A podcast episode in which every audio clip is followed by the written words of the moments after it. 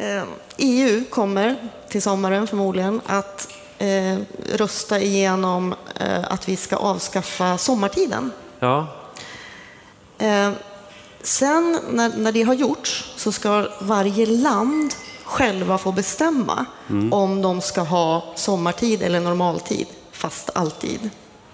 Så man får ändå välja det. Ja, precis. Och det här fattar inte jag riktigt hur de har tänkt, för det kan ju bli som att liksom Norge helt plötsligt ligger en timme före oss om de väljer...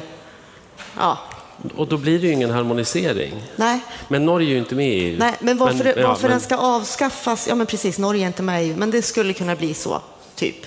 Ehm, det är ju för att det helt enkelt är ohälsosamt. Alltså att människor mår så pass dåligt av de här eh, Omställningarna, om- ja. tidsomställningarna, så det är därför det ska bort. Men sen så har det ju pågått såna olika omröstningar i Sverige också om, om folk vill ha kvar, liksom, om de vill ha alltid vintertid, som alltså är normaltid, eller sommartid. Och jag blir helt förstörd när jag inser att allt lutar åt att vi kommer att få ständig normaltid. Och normaltid är alltså vintertid? Ja. Ja. För vet du vad det innebär?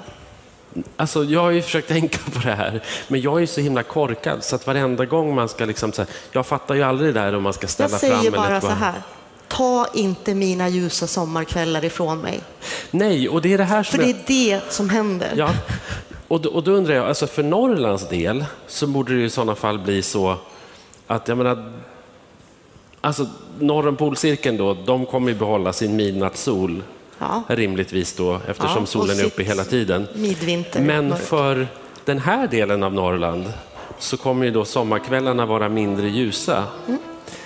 Alltså vad säger Swedish Lapland om det här? Eller, eller, jag menar, det, det borde ju vara... Nej, jag vet inte. Jag, jag får nästan panik när jag tänker på det. Eftersom det är liksom tack vare de ljusa sommarkvällarna man står ut med att bo här. Eller här, jag bor i Sundsvall, men, Ja. men ja. Av någon anledning. Som man, ja. Eh, Eh, ja.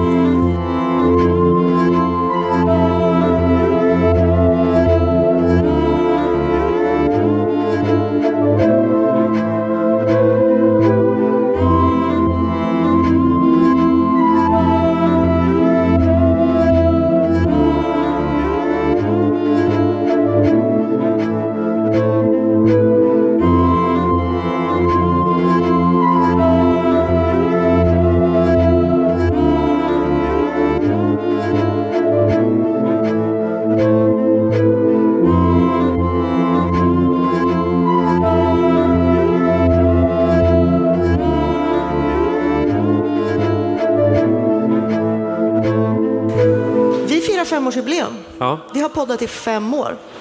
det är ganska länge. Fast vi har inte gjort så himla många avsnitt. Så det här är femtionde avsnittet av Norrlandspodden. Ja. Och det gör vi här i, i, i Umeå. Ja, inför Eh, publik. Inför publik. Här finns det en publik. Kan ni applådera?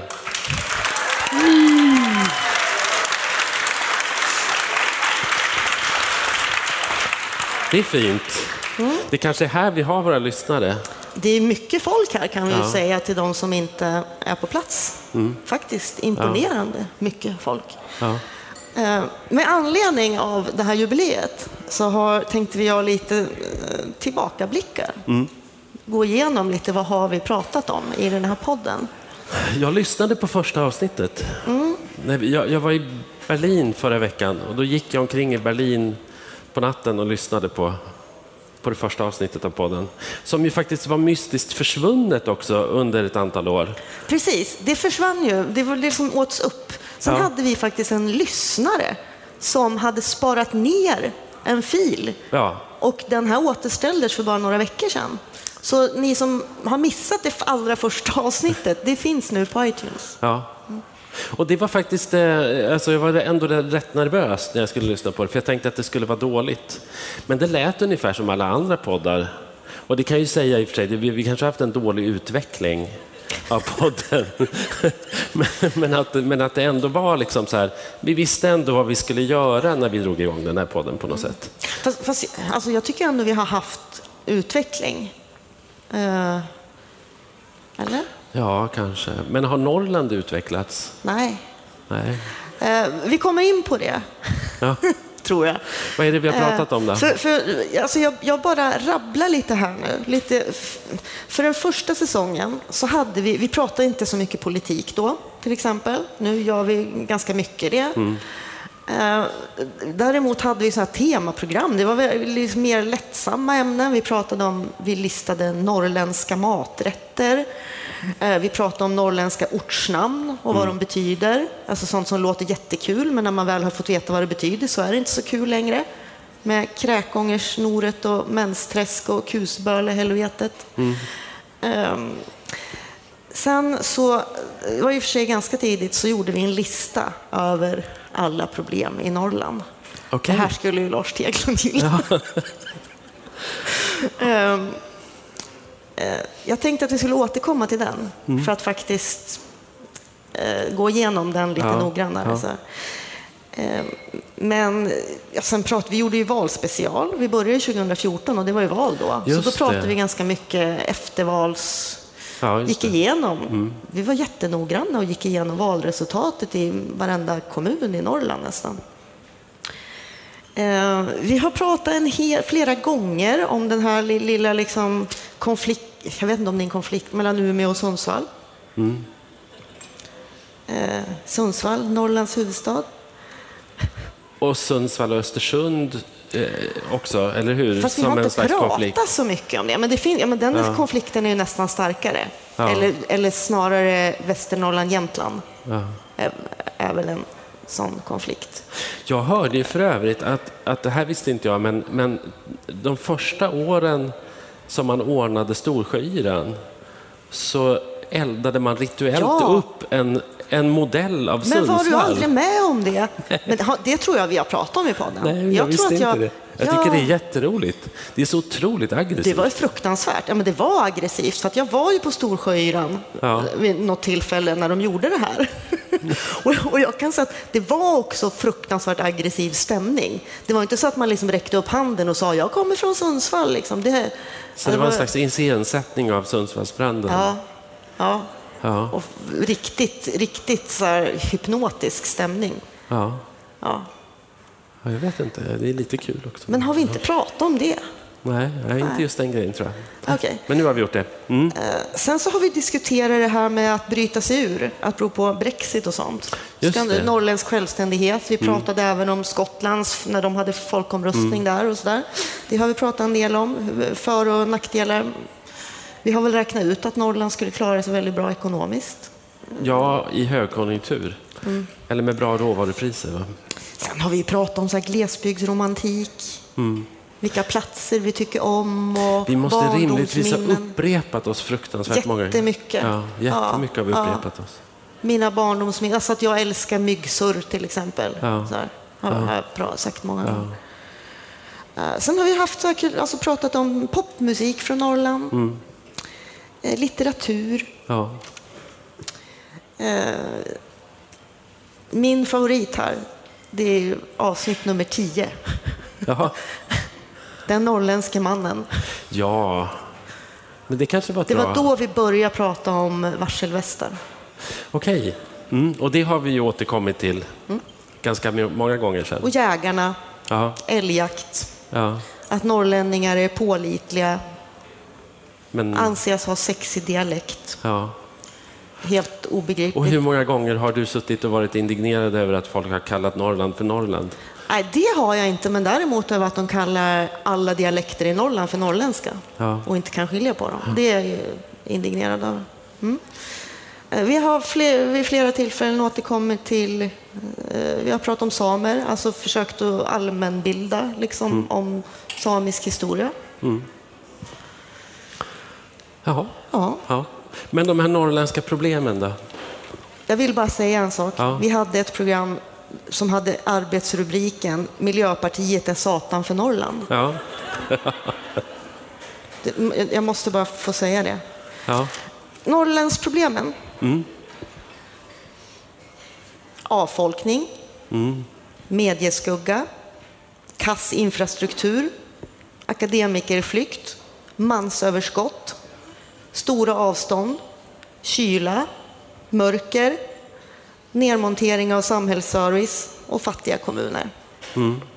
Ja, det står sig väl. Ja.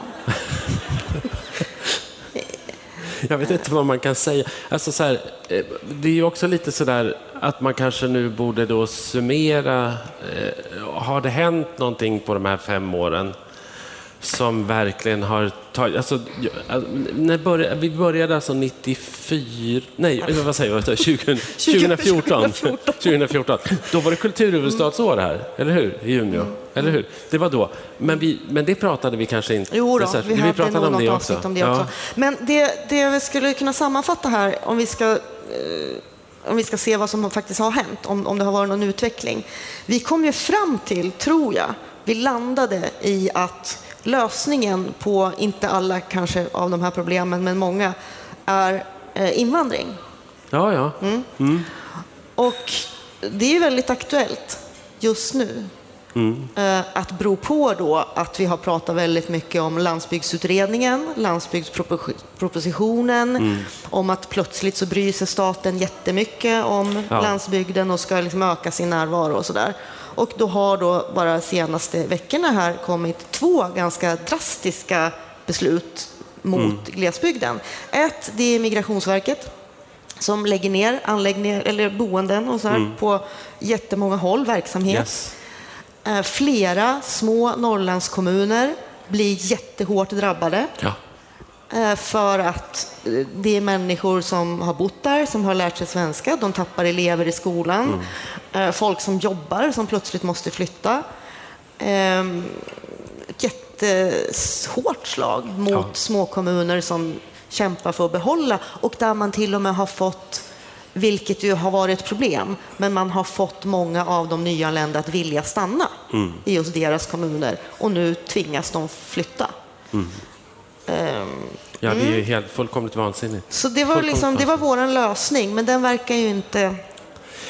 Eh, När gjorde vi den här listan då? Var det, var det första året? jag tror det var, ja, det var första året. Någon För sen gång. kan man ju säga att de norrländska kommunerna fick ju alla de här människorna. Det var ju, så, det var ju sånt enormt inflöde av människor under 2015-2016 eh, framför allt. Och nu är de flesta borta. Och det här är väl då dödsstöten, måste det ju vara. Och, och just att det här handlar om de som ändå efter 2015 har blivit kvar Ja. Och, och, och liksom blivit viktiga samhällsmedborgare på de här små orterna. Den andra grejen är Arbetsförmedlingen. ja. Och det är helt sanslöst också. Det där gör mig så upprörd. Alltså. Ja. Och det är ju 130, vad är det, 130 kontor som ska stängas ungefär, va? Ja. Någonting sånt. Ja. Och de flesta kommer I vara glesbygd och små städer. mindre orter som förlorar Arbetsförmedlingen. Vilket ju är liksom fullkomligt upp och nervänt, givetvis. Därför att det, menar, av, av alla skäl egentligen. Eh, jag, menar, jag tänker att för det första så förlorar ju de här orterna arbetstillfällen när arbetsförmedlarna försvinner. För det andra så tänker jag att arbetslösa på mindre orter i Norrland kanske befinner sig väldigt långt ifrån arbetsmarknaden och kanske är de som behöver allra mest hjälp och kanske är allra minst benägna att lära sig digitala verktyg. Det här kanske är en fördom. Eh, men man skulle kunna tänka sig så. Kanske i alla fall min, i mindre grad än människor i större städer. Men ytterligare en sak som jag tänker på det är ju också att planen är ju då att det här ska då på något sätt, den här, de här tjänsterna ska, ska inte bara digitaliseras utan de ska ju också utföras av privata företag. Och då måste jag få dra upp denna sak med marknadiseringen ytterligare en gång. Att om man lägger ut en sån här verksamhet på privata aktörer så blir de privata aktörerna per automatik ju beroende av marknadens beskaffenhet. Och marknaden för arbetsförmedling och matchning i, mellan arbetstagare och arbetsgivare är ju någonting mycket svårare och mycket mer tidskrävande i Sorsele än i Umeå till exempel. Vilket ju då rimligen borde innebära att de där tjänsterna inte kommer etableras eller utföras där av privata aktörer. Men just, alltså jag tror att vi inte är jätteoense här. Eh, Jag har då i och för sig sedan 2014 ungefär drivit frågan att Arbetsförmedlingen måste kraftigt reformeras. Ja, Eh, du är ju ändå Arbetsförmedlingen funkar inte. Ja. Du, jag är ändå... Vadå? liberal ledarskribent. Ja, Arbetsförmedlingen, jag tycker inte att Arbetsförmedlingen funkar särskilt bra. Eh, arbetsförmedlare, eh, eller de som jobbar på Arbetsförmedlingen förmedlar i snitt ett jobb i månaden. är det så? Mm. Eh, det kostar väldigt mycket pengar. Ja. Framför allt så har ju jag då propagerat för att man ska ta bort den här kontrollfunktionen som Arbetsförmedlingen har. tycker jag är helt onödigt. Att liksom vakta arbetslösa som har betalat en försäkring för att få a-kassa, som tvingas gå i så meningslösa, konstiga aktiviteter på Arbetsförmedlingen som kostar pengar. Det, Fast hörde bort. du de här meningslösa aktiviteterna Mm. som, alliansregeringen införde? Eh, Ja, men jag säger ju inte att det här är så, det här, så här har det ju varit länge, Jo. oavsett regering. Meningslösa aktiviteter. Eh, Det ska bort. Sen så är det också så att när det gäller rekrytering av högutbildad, kompetent arbetskraft så behövs ju inte heller Arbetsförmedlingen. Därför att eh, de personerna eh, rekryteras inte via Arbetsförmedlingen helt enkelt. och det här är ju ett argument för att man kan lägga ner kontoren i storstäderna Nej, och behålla därför dem på därför landsbygden. att Arbetsförmedlingens numera viktigaste funktioner har ju varit att, att eh, hjälpa och stötta de som står allra längst från arbetsmarknaden. Ja. Och där har de en jätteviktig roll. Och den kan ju bli jätteknepig att lägga ut på privata aktörer, tycker jag med. Och just den viktiga rollen tror jag också är extra viktig i glesbygd. Ja. Som du sa, det gäller till exempel människor med funktionshinder, Eh, nyanlända alltså, och sådana som ah, kanske har varit långtidssjukskrivna, hamnat jättelångt från arbetsmarknaden och behöver särskilda insatser. Det är också en ganska Och- knepig, vi- komplex vi arbetsmarknad på också- landsbygden. Vad vi också måste säga, Ja. det är det att i väldigt många av de här pyttesmå eh, orterna vi pratar om, så är ju Arbetsförmedlingen den enda statliga närvaron som finns. Mm. Och därför är ju det här ett otroligt märkligt beslut med tanke på eh, landsbygdspropositionen, med tanke på till och med det här 73-punktsprogrammet. Eh, liksom, att staten ska är öka sin närvaro. och det här Ja, är men- ironiskt nog Centerns våta dröm att genomföra detta. Martin Ådahl har ju suttit i radio och skrikit som ett barn på barnkalas över detta. Han är ju så glad över detta och i, i, igår Fast så, jag så var har jag... hört honom vara kritisk också. Jaha, ja, ja. faktiskt. Mm. Ja, i, jag kan säga att igår var jag i Sollefteå eh, och diskuterade den här saken bland annat med riksdagsman Emil Källström från ditt län. Han, eh, Mm. Min, han, min riksdagsman. han satt ju och fnittrade upphetsat över detta.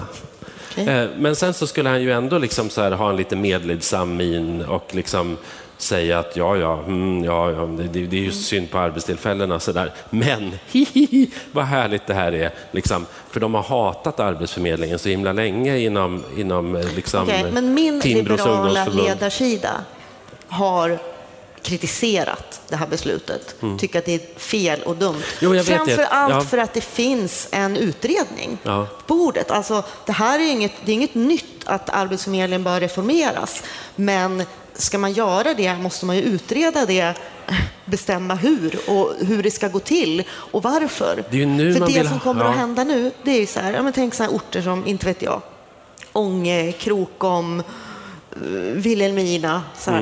Eh, Eh, bli utan arbetsförmedling och så kommer det att visa sig att det finns massa människor där som behöver den här hjälpen. Och då, om jag har förstått då, eh, Micke Sjöberg rätt, som är generaldirektör för Arbetsförmedlingen, då ska alltså människor pendla från typ Arbetsförmedlingen i Umeå och så ska de åka till Vilhelmina och ha något rum på kommunkontoret där, där de här människorna som ska få träffa någon ska få träffa någon. Så jag har väldigt svårt att se hur, vad man sparar på det här, hur man sparar pengar, vad som blir enklare för någon överhuvudtaget. Jag tror att det här kommer bli ett jättedyrt beslut i Visst, slutändan. visst har vi också pratat om det här när det här var på gång senast.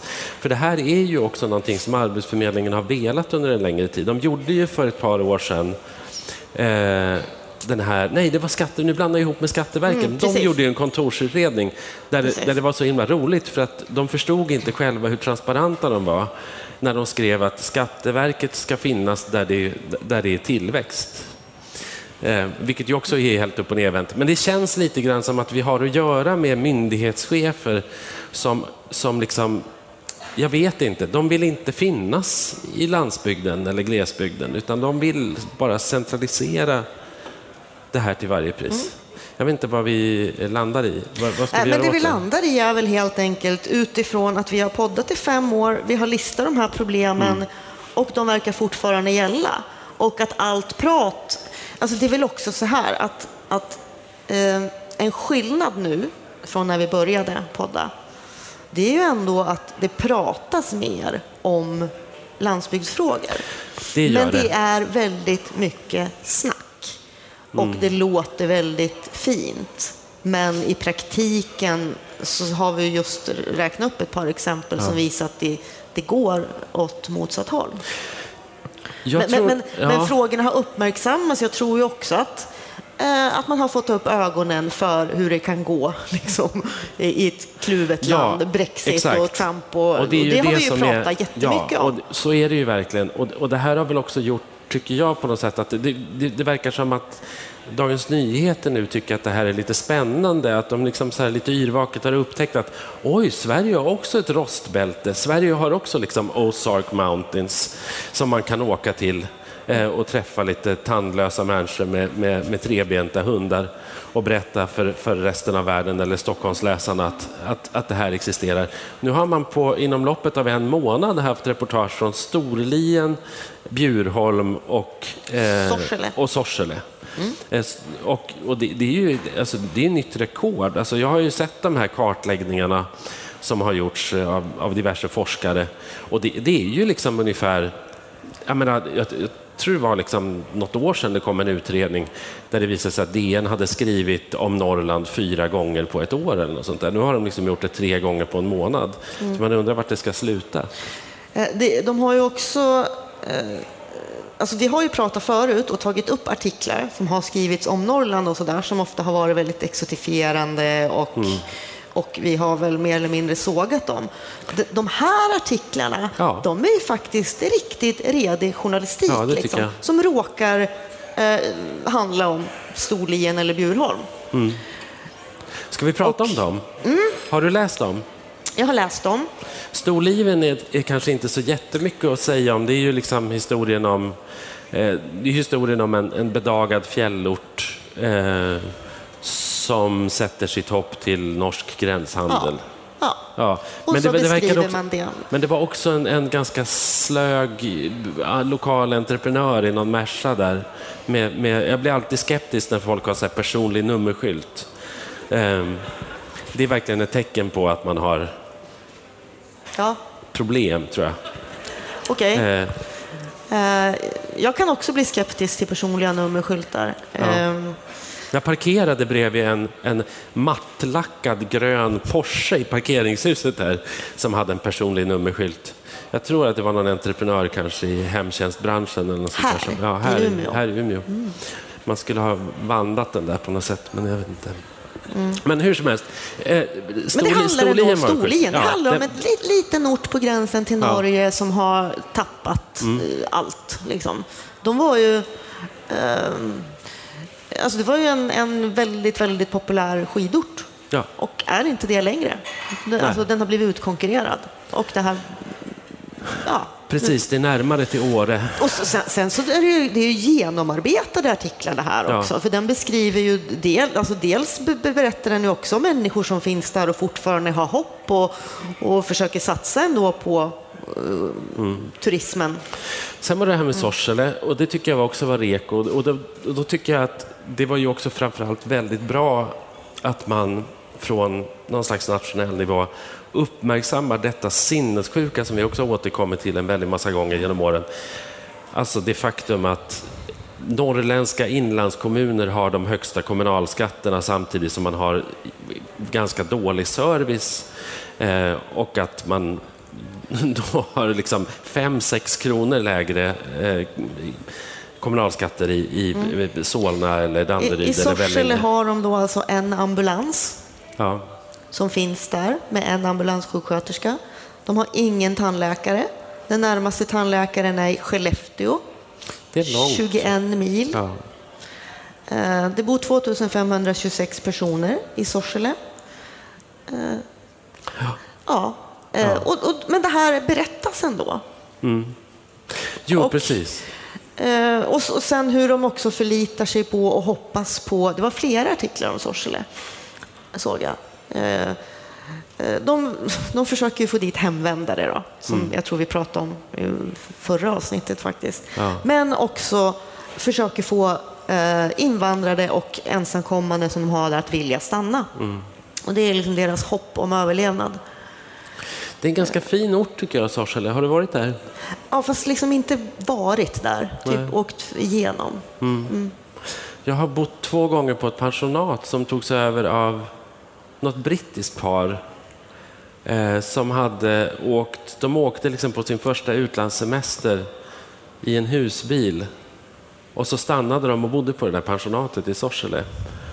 Och sen så sa tanten att det är till salu och då köpte de det rakt av och flyttade dit. Eh, det tycker jag var ganska fint. Finns det något pensionat i Norrlands inland som du inte har bott på någon gång? Jag tror jag har bott på alla faktiskt. Men just det där pensionatet är ganska, det är ganska deppigt. Det är, det är lite så långvårdskänsla och, och eh, liksom eh, Coops cornflakes till frukost. Det är inte Kelloggs. Liksom. Men, men jag tycker det var helt okej. Och, och jag hade en så fin morgon där en gång för jag åt frukost och så var det ehm, en hårvårdsproduktförsäljare som satt vid bordet bredvid eh, och som hade han hade, jag tror han hade kört liksom sin rutt i Norrland och sålt hårvårdsprodukter i 35 år. Och jag ångrar så bittert att jag liksom inte tog hans uppgifter, för jag hade så himla gärna velat prata med honom liksom, Om de här 35 åren? om de här 35 åren på Norrlandsvägarna. Snacka om att ha insikter. Liksom. Men jag gjorde inte det. Det, var, det. det kan jag verkligen ångra. Ehm, men ja, Sorsele. Jag, jag kommer också ihåg när jag gjorde när jag gjorde min föreläsningsturné efter att jag hade gett ut Norrland. Och då började jag i Norrbotten. Och det var ändå så där liksom på de här biblioteks och bygdegårdskvällarna att det var liksom ja, men en något sånär positiv anda på något sätt. Och sen så kom jag över gränsen till Västerbotten och till Sorsele. Och där var verkligen det här, jag menar, i Norrbotten så fanns den här andan liksom att nu ska vi ta vår kyla och vår mörker och vår gleshet och så ska vi sälja den liksom, och så ska vi göra någonting av det här. Och vi ser det som någonting positivt. Och så kom jag till Sorsele och där var allt det där fortfarande bara jättenegativt och ett mörker som hade lagt sig över den där orten. Och det var så himla deppig stämning den där kvällen kommer jag ihåg. Um, ja, jag tycker inte det var så deppig stämning i den här artikeln faktiskt. nej. Den andades ändå någon slags optimism. Ja, En lite annan kul grej med Sorsele är att den styrs av Vänsterpartiet och Centerpartiet tillsammans. Mm. Det är ju fint. Mm. Två ytterkantspartier. Eh, Ja. Men vilket också leder vidare till Bjurholm, för Bjurholm var också en av de orter som jag besökte på min föreläsningsturné och som jag har ett horn i sidan till. Eh, därför att eh, vart jag än kom på något sätt med mitt dystra besked om Norrlands utveckling och Norrlands koloniala historia så kände jag på något sätt att rummet delade det här, liksom, de här problemformuleringarna. Ända tills jag kom till Bjurholm. Och där alla bara var så här, nej, vi förstår inte vad du menar.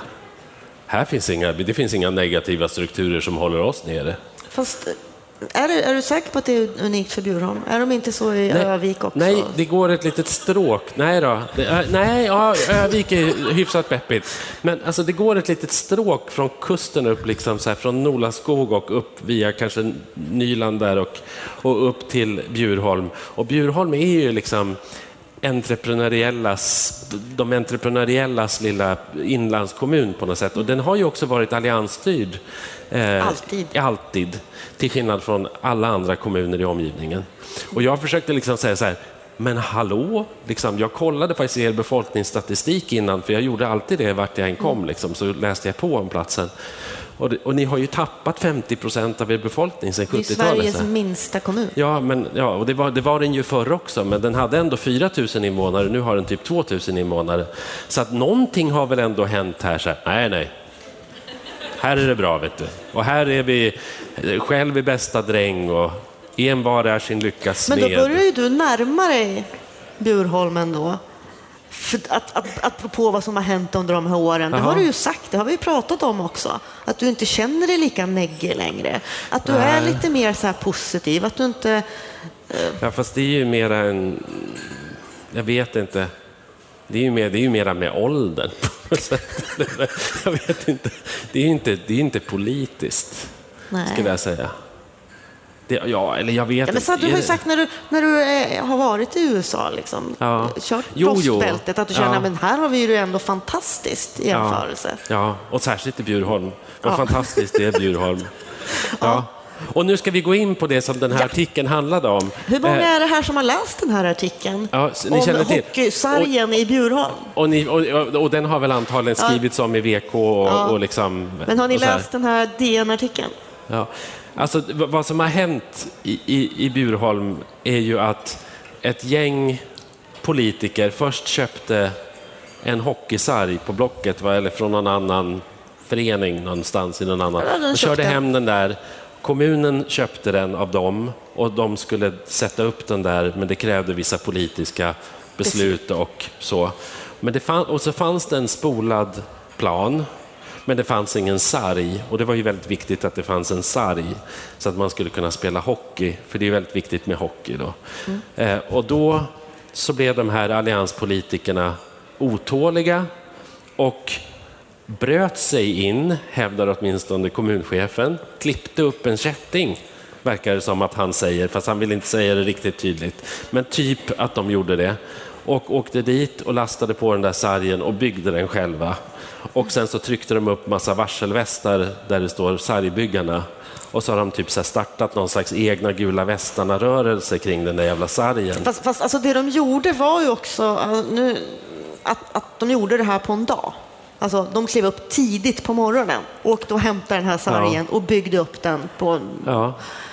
Ja, i- Ehm. Men Ja, nej men alltså, Ja, bara, ja. men... Mm. eh, men, men och, och, då är, det- och det här har väl då eh, kluvit befolkningen kanske, eller alla i Bjurholm kanske tycker att det här är toppen, för att de är sådana liksom eh, utomparlamentariska entreprenörer allihop. Liksom.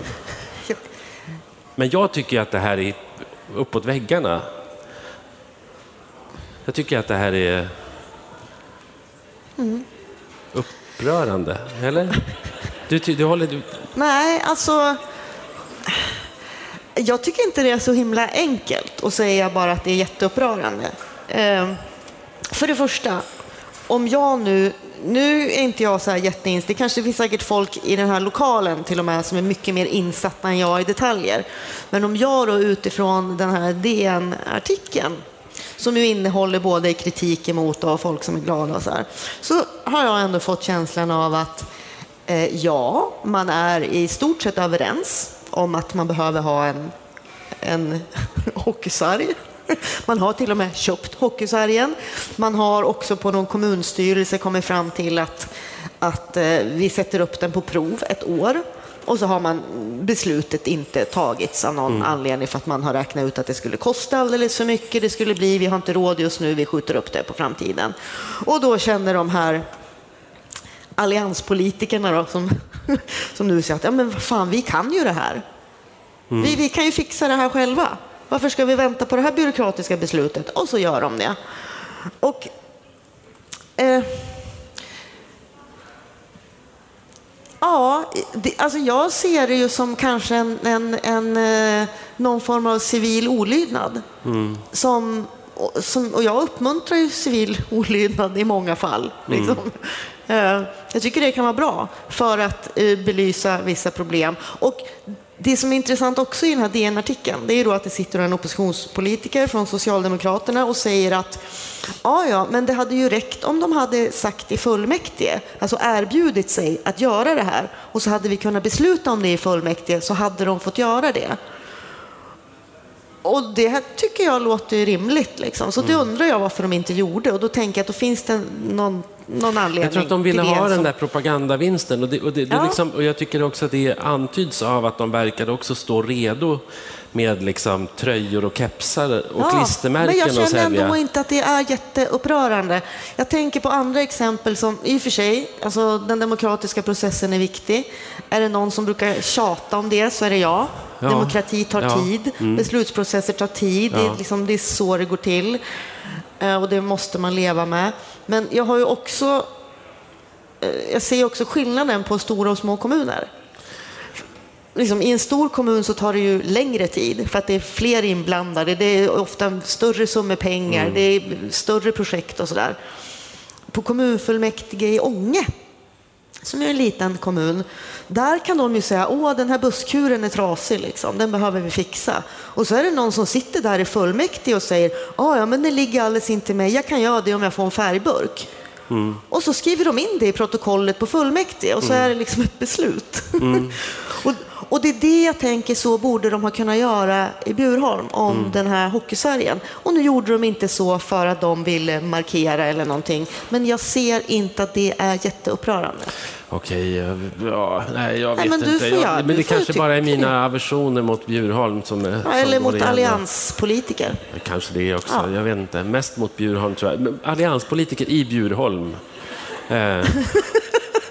Jag kommer ihåg det där, den, den där föreläsningskvällen i Bjurholm, att, att en av dem som liksom ställde sig upp och argumenterade mot mig var en tillbakaflyttad eh, man som hade varit moderat kommunalråd i Nacka. Skulle inte förvåna mig om han är en av de här sargbyggarna. Säkert. Ja, säkert. Ja, vad har vi med på schemat? Vi har eh, en, en eh, aktuell centerpartist. Åh, Eskil. Ja. Det är ju också ett kärt ämne. Vi har ju, vi, vi, så vi har ju våra landsbygdsministrar. Ja, vi pratade ju i förra, förra programmet pratade vi om Amanda Lind. Eh, som är kulturminister. som är Vi kultur- pratade Men också vi om pratade Jenny om Nilsson. Jenny Nilsson. Jag är helt snurrig. Men vi pratade om Jenny Nilsson som vi inte visste någonting om. Det var ju det som var problemet med henne. Och innan dess så har vi pratat en hel del om Sven-Erik. Ja, han har ju Eh. hängt med oss de här åren. Ja. Liksom. Och, eh, och innan dess har vi väl ändå diskuterat Eskil vid olika tillfällen, måste vi rimligtvis ha gjort. Eller han hade... Ja, fast han... Eh, alltså Sven-Erik kom... Alltså vi började ju 2014 och vi började inte prata politik förrän Nej. efter valet. Så, att, ja, så jag okej tror inte då. vi har pratat om Nej, Eskil. vi har inte gjort det, men då, då är det dags. Vad, vad var din upplevelse av Eskil? Jag har bara en. Jag vill inte ens... Vad tänker Nej, men du alltså, på? jag kan inte tänka på honom utan att tänka på det här djursexet. Nej. Nej, men Nej, det, liksom, har, har ni sett det här Youtube-klippet med Eskil? Det är ju faktiskt... Eh, det, Alltså att han fick sitta kvar efter det där. Det är ju liksom helt... Alltså, det är ju ett gränslöst beteende som är... det, det, det, man säger så här, Tänk det som har kommit då fram nu... att du smetar någonting sött på ditt Någonting kön. väl, som för hunden är väl doftande eller smakar gott. Väl, ja. Men och du, nej, men hunden du, slickar av. Är det då ett sexuellt utnyttjande? Alltså det är så, så jävla sjukt. Men jag tänker också på, jag, jag kommer att tänka på eh, den en, enda gången i modern tid som, som det liksom så här, kändes som att det skulle hända någonting i skogsdebatten var ju när eh, DNs reporter Maciej Zaremba skrev en lång serie, kommer du ihåg det här? Han skrev en lång artikelserie i DN om den svenska skogen och, eh, och det skulle då sluta med ett ansvarsutkrävande. Liksom, att det här är ju upprörande, detta som pågår liksom, i den svenska skogen. Eh, och så slutade det med att en reporter från DN åkte till eh, liksom Eskil Erlandsson, satte sig ner med honom och konfronterade honom med detta. Och hans svar var ju liksom eh, centerpartistiskt, eh, men, men också eh, på något sätt i, i den här nya kontexten intressant. Och för det han sa var ju bara så här, med, han sa det upp, upprepade gånger, med äganderätten kommer förfoganderätten. Punkt. Och så upprepar han det. Ja, så upprepar han det om och om igen. Och det är ju tydligen också hans förhållningssätt till kvinnor då. Eh, och det är ju inte någonstans förvånande, Nej. det som har kommit fram nu. Alltså jag känner mig inte jätte... Alltså jag vill inte prata om honom. Nej, okej, vi, vi, vi lämnar det. Ja. Eh, jag funderar på, eftersom vi ändå befinner oss i Umeå, om vi skulle prata om någon, någonting relaterat Umeå. Och jag vet ju att du har ju en, en grej, Ja, museet. Ja, gitarrmuseet. Gitarrmuseet. Du, vill, du vill gärna prata om det, jag vet jag vet inte. Jag, vet, jag, jag var ju här och skrev en hel del när, under kulturhuvudstadsåret, eh, eller invigningen av eh, kulturhuvudstadsåret, så var jag här. Och jag, då var jag också på invigningen av Guitars the Museum, som det ju heter, denna, denna mancave. Eh, Eh, en intressant kontrast också till det här kvinnomuseet som ju också liksom föddes ur kulturhuvudstadsåret på något sätt som, som ju inte alls har blivit lika omhuldat kan man säga av kommunen eh, som Guitars the Museum. Men jag tycker bara att det är en sån sorglig historia på något sätt och som också är som en slags sedelärande historia om vad kommuner gör för att liksom berätta någonting om sig själva, för att sälja sig själva, för att liksom så här, och alla de ansträngningar som görs. Liksom, sen- men sen är det ju intressanta turer och så himla mycket pengar som har gått till det här museet. Så det är Jag liksom tror är- att de flesta av våra poddlyssnare kanske inte känner till den Nej, här okej, det historien. här du får handlar alltså, det här handlar alltså om två bröder från, var är de ifrån? Är det någon som vet? De är någonstans utanför Umeå som har samlat på gitarrer. Jättevärdefulla, eh, fina gitarrer som ju är intressanta i sig. Liksom. Och sen så föddes den här idén att det här, de, här museer, de här gitarrerna skulle då kunna ställas ut i någon slags museum och det här skedde då i samband med, med att, att Umeå var kulturhuvudstad eh, 2014. Och Eh, och sen så skulle det där museet klara sig självt, vilket det inte har gjort. Så att då har de liksom fått olika tillskott. Till saken hör också att det här museet byggdes in i gamla Vasaskolan dit man också flyttade Skarinska klubben och det, det blev en musikaffär och en bar och sen har inte det där funkat. Och nu så ska det bli skola igen till en väldigt hög kostnad för, för Umeå kommun. Så det verkar lite liksom planlöst alltihop. Och Var det inte ganska mycket som gjordes under det här kulturhuvudstadsåret som var det? Jo, det känns ju så. Eh, Umeå blev ju väldigt förändrat. Alltså verkligen i grunden förändrat, som en helt annan stad skulle jag säga.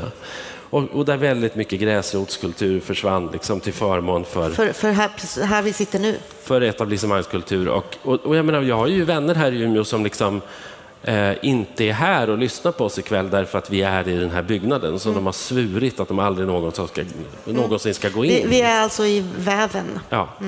Eh, och, och det kan man ju tycka är är lite barnsligt och, och, och långsint kanske. Men nu så ska det, alltså det här museet flytta in på vinden på Folkets hus. Och då har man gömt den kostnaden i budgeten för Folkets hus. Och sen när oppositionen upptäckte det så säger kommunalrådet att haha, det där var ju er, ni får ju skylla er själva som inte granskade vår budget tillräckligt väl. Och det är ändå hyfsat fräckt. Liksom. Men det är lite så med den här stan. Jag, menar, jag tycker att den är intressant för att det här, det är lite som det är som att den här stan representeras alltid av politiker som... Det är också intressant. Du såg du den här eh, kart, Galtan-kartan över Sverige som, som en kille som heter Hamid Sarve har gjort? Som, som blev lite, lite viral, den delades runt på, på sociala medier.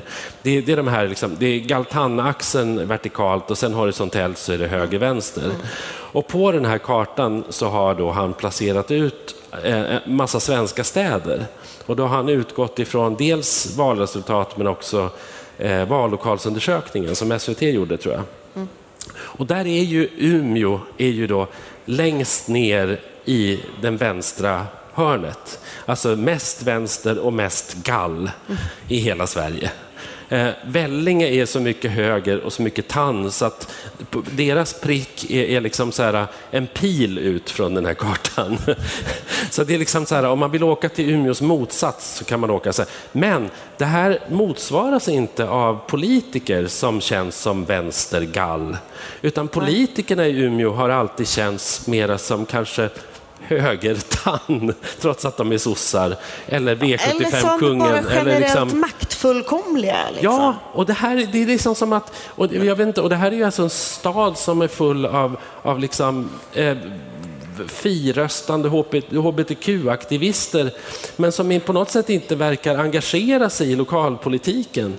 Och därför så blir det det här. Alltså jag vet inte vem Men är det är inte som det röstar. också en ganska så typisk gallgrej? att så här gallfolk engagerar sig i enskilda frågor, i sina liksom rörelser. De är, är de inte med i Djurens Rätt så är de med i Greenpeace, alltså så här, eh, demonstrerar och den, men de eh, är inte i lika hög utsträckning ideologi, alltså höger-vänster-ideologiska och därför eh, inte heller engagerar sig i partier Eh, Nej, och jag tycker att det här är gåtfullt. Liksom. Lennart Holmlund var ju kommunalråd här i, vad var det, alltså 14, 16 år Länge. eller något sånt länge, 19 år kanske ja. var till och med. Men så, han var evigt kommunalråd och en slags Trump-liknande, så, så nära faktiskt en slags Trump-liknande politiker som, som, vi har haft i det här landet. Liksom. Nickname B75 på Twitter. Liksom... Det handlar inte heller bara om vilka som engagerar sig. Det handlar ju ändå om att väljarna i Umeå har ju valt honom om och om igen.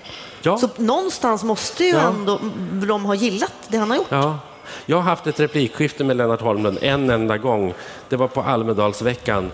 Då möttes vi i en gränd och då tittade han på mig och så sa han, lever du än? så han var ju slagfärdig gubben. Mm. Ja.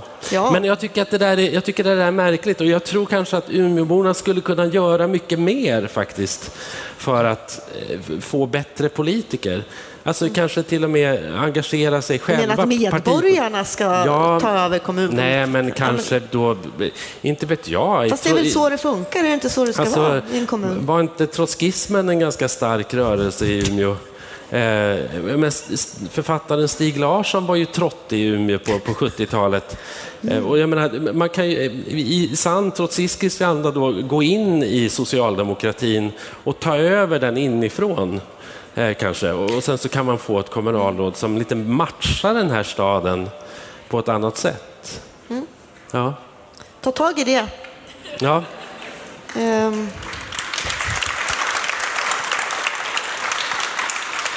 Ska du säga något om eh, mässan du var på? Ja, just det. Ja, jo, jag var i Berlin eh, och det här tycker jag är, eh, alltså, det är också ett ämne som vi har pratat om ganska mycket ur olika perspektiv, men turism har vi pratat om. Och jag var på världens största turistmässa eh, som eh, äger rum varje år i Berlin på eh, eh Berlin Messe som är som ett fullkomligt sinnessjukt stort mässområde med liksom bara hall på hall på hall. Och där, dit åker då alla världens länder och flygbolag och så har de sina montrar och, och, och står och säljer sig. Eh, och det här var ju intressant ur en massa perspektiv. Alltså det var ju dels var det ju intressant därför att, därför att det verkligen är så att i den där branschen så säljer alla sig själva genom att förminska sig själv till schabloner. Alla har liksom eh, lustiga hattar och Sverige har liksom en stor dalahäst. Liksom. Och, och det ska bara vara så.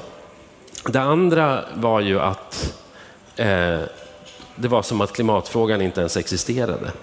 Och jag hade ändå förväntat mig kanske lite att, att, att, att man åtminstone skulle ägna sig åt lite klädsam greenwashing.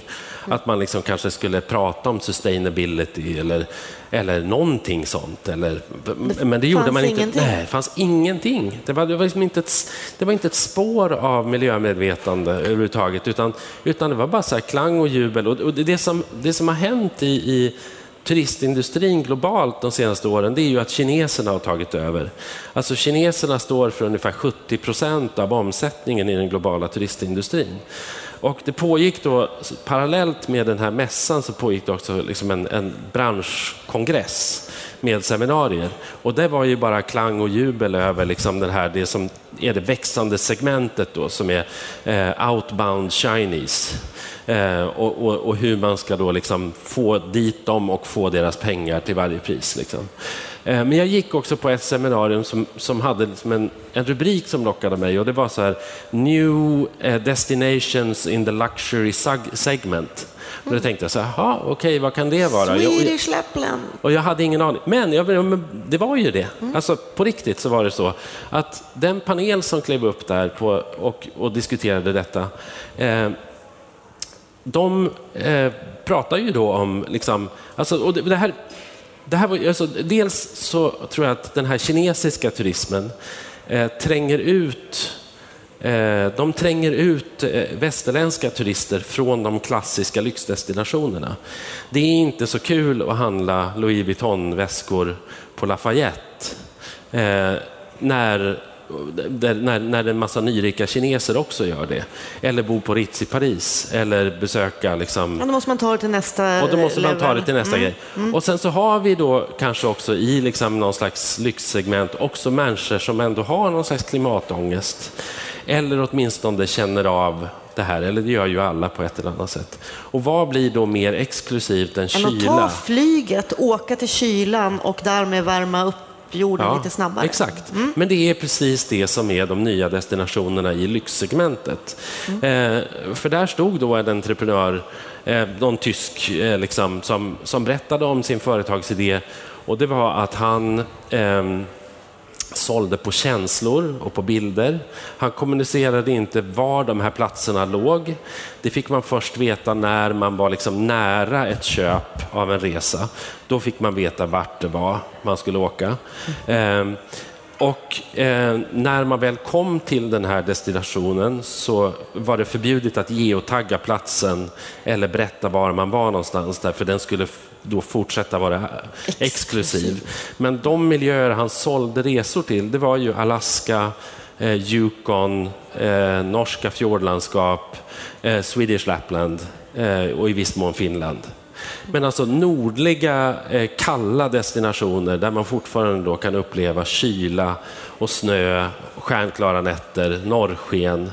Alltså det som då blir, det är de nya eh, lyxsegmenten liksom på, på marknaden. Jag tycker bara att det var, ja, kanske i någon mån förväntat, men, men ändå rätt, ändå rätt märkvärdigt. Liksom. Och ändå också lite läskigt. Det, men det läskiga med det är ju också att det handlar om det här att ja, om 15-20 år kanske vi inte, då kanske inte finns någon kyla och snö kvar. Så nu ska vi passa på. Ja. Det är ungefär som man ser sådana här annonser över man ska liksom åka till paradisstränder innan de hamnar Det var ju ett under, rep i under vatten. Svenskan. Va? Ja, Ja, men var ju- precis. Ja, men precis. Det är ju, eh, så det är ganska obehagligt Ja, också. ja. Nej, för fan. Det kändes, Jag gick ut därifrån med en ganska dålig smak i munnen, men samtidigt också sådär, Jag antar att du flög dit och hem. Och... ja, det gjorde jag. Absolut. Det tar ju, hade ju tagit för lång tid att åka tåg. Och, ja, herregud, jag vet inte. Nej, hur ska man förhålla sig till det? Nej, jag, vet, jag har inte Jag flugit på två år. Nej. Nu säger jag det. Ja. Det är ingenting som jag har koketterat med eller liksom lovat någon eller varit offentlig med. Men jag nu. har in... ja, nu säger jag, jag har inte flugit på två år. Nej. Då är du mycket bättre än jag. Ja. Ja. Mm. Vad bra. Är det något mer du vill gnida in i mitt... Jag ska åka till Sheffield nästa vecka med flyg. Mm. Ja, men det är ju så. Jag, menar, det, jag vet inte vad man ska, vad jag ska göra åt det. Det är, Ja, men det är väl liksom klart bara... att du gör. Sen skulle väl jag, Jag säga att du försöker- åker åtminstone på jobbresor. Du gör Ja, ja, det, är ju, det är ju stor skillnad på det och åka, tycker jag då. eh, Och på och, bara och flyga till nöjes... Dubai över en weekend. Ja, precis. Nu moraliserar vi. Usch. Det, jag gillar inte det. Nej. Och moralisera över Nej. folk. Alltså på riktigt. Jag tycker folk Nej, kan jag vet att du... Ja. personligen Ja. få fatta Och sina jag, egna och jag liksom så här, men allting, när man pratar om sådana här saker så blir ju allting i någon mån också så här ganska dumma, banala rationaliseringar. Men jag är ju på riktigt väldigt arg över att det här att, att vårt sätt att hantera klimatkrisen ska på något sätt vara individuellt. Ja. Och, att, och att vi ska internalisera den här krisen Ja. och bära det eh, Men det, jag, menar, det, jag tycker det, Ja, jag är det är liksom... Ja, men det är ju inget argument för att flyga ohämmat. Det är bara liksom... Men förbjud mig gärna att flyga. Jag är ju för stalinism liksom, i sådana här sammanhang. eh, jag är ju liberal ledarskribent. det säger du själv. Men, men jag har ju faktiskt varit för flygskatt. Ja. Eh, Jag till och med hade en rubrik som var gärna flygskatt och fler tvångsmedel för att rädda klimatet. bra. Ja. Mm. Flygskatten Eh. har vi också pratat om tror jag, vid olika ja, tillfällen. det har vi. Vi behöver inte gå in på den nu. Den är för vi, låg. vi gillar den är för låg, Vi helt gillar den. enkelt. Den Norrlandspodden ställer sig bakom flygskatt. Ja. Jag tror det börjar bli dags att runda av. Ja, absolut. Eh, och vi brukar ju sluta med någon slags kulturtips. Ja. Och jag tänkte att eh, vi skulle prata om andra poddar. Det har vi aldrig gjort. Nej, vi brukar inte liksom inte lys- eller har liksom inte pratat om andra poddar. Och så tänkte jag, eh, eftersom i förra veckans Hemma hos Strage, Fredrik Mm. Strage, så var Annika Norlin gäst. Och det tyckte jag var fint, liksom, för att jag gillar Annika Norlin.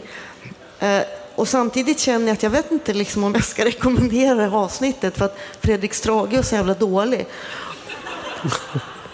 Och jag älskar verkligen Fredrik Strage. Jag tycker verkligen bra om honom. Jag tycker bra om hans text, jag tycker bra om honom som person. Jag tycker han är rolig, smart. Han, liksom, hans huvud är ju som en jävla lexikon, så här fantastisk att lyssna på.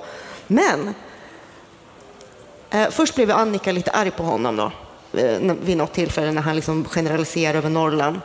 Och hon sa, det är som en spark i skrotum när du säger Norrland på det där sättet. Ja.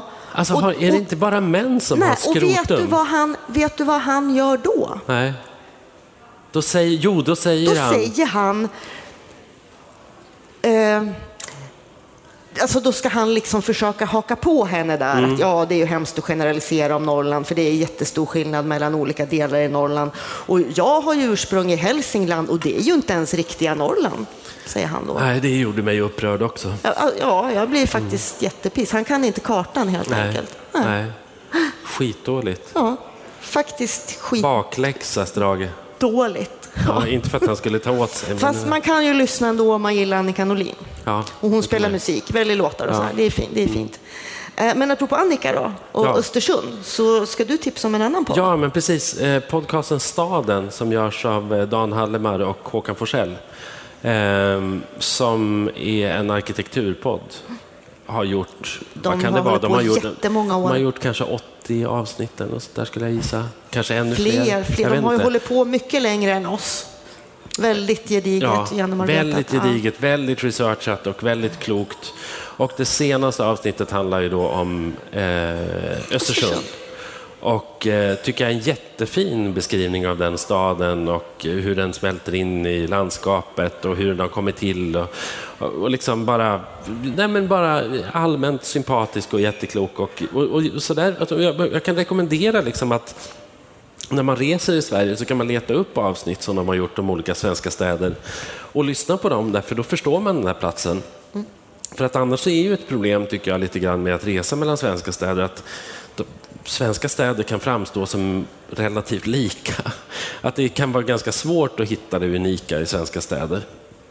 Men de är ju väldigt duktiga på att göra det mm. och lyfta fram det där unika. Eh, sen gör de ju också utflykter. De har också varit i USA och rest runt och gjort program om det. Och nu, eh, det är faktiskt anledningen till att jag ska till Sheffield. Det är, liksom deras förtjänst. För de gjorde tre avsnitt nu i höstas, tror jag det var, eller höstas, vintras. Bingo! Vad, vad var det jag sa? Jaha, okej. Ja, ja, ja, okej. Eh, Vi har, alltså, det här måste vi förklara, för, det- för, det, för det är ju då tydligen två eh, fans. Som har gjort ett Norrlandspodd-bingo. Och när de lyssnar på våra avsnitt så finns det då vissa liksom, saker de checkar av. Som till exempel när du kallar mig för liberal ledarskribent. Då blir det liksom ett kryss på brickan. Ja. Jag är glada att vi kunde, att vi kunde eh, ge er... eh, Här får vi lappen. Här har de ringat in. Här, titta. Eh, desperat försök att inte ta upp kulturdebatten i Stockholm. Det har de prickat av. Eh, Sofia blir kallad liberal ledarskribent. Po gillar inte att bli kallad vänster. Eh, po gillar att åka bil. Eh, chill för Patreon.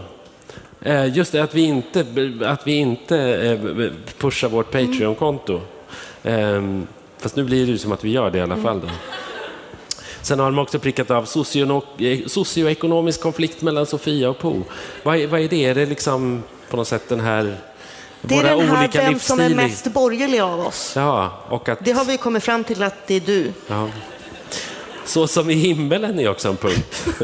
det ju bra. Eh, vad de inte har fått bingo på är eh, Sofia anklagar på för att inte vara riktig norrlänning. Eh, tack för det. Eh, mygg har vi inte nämnt. Vi har inte nämnt din frikyrkliga barndom. Eh, Vi har inte nämnt min tid i Stockholm. Umeå och Sundsvall är inte riktiga Norrland. Det hade ni faktiskt kunnat ringa in tycker jag, eh, lite grann. För vi var ju inne ändå på liksom, ehm, kritik mot valfri gruva. Det här är så du? roligt. Kritik mot valfri gruva. Strandskyddslagen. Ikea i Haparanda. Gud vad vi är förutsägbara. Det här är hemskt. Och på sista punkt, Sofia Saabs krånglar. Ja, men du åkte ju tåg hit så att du slapp det där. Ja, ja men det var ju fint. Ja, Ja, absolut. Ja, men eh, podcasten Staden i alla fall, jag ska bara knyta ihop denna säck. Fantastiskt fin podd. Och de här tre avsnitten som de gjorde i höstas som handlade om norra England, Sheffield, Blackpool, Liverpool. Jättebra avsnitt också. Jag önskar att vi gjorde en lika bra podd som dem. Eh, de har säkert, man kan säkert göra ett bingo om, om deras program också om man, om man anstränger sig. Men eh, vad, vad säger, ska vi fortsätta efter det här eller ska vi, eller ska vi sluta nu efter 50 avsnitt?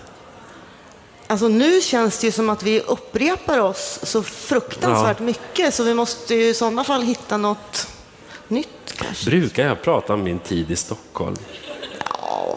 Ja, jag tror du faktiskt brukar göra det. Ja. Du, brukar, ja, men du brukar prata om när du liksom flyttade till Stockholm och liksom flyttade från landet och hur du längtade dit och varför du ville tillbaka sen. Och så här. Det kommer nog upp ganska Ja. ofta. Ja. Precis som att det kommer upp att jag bor kvar. Ja.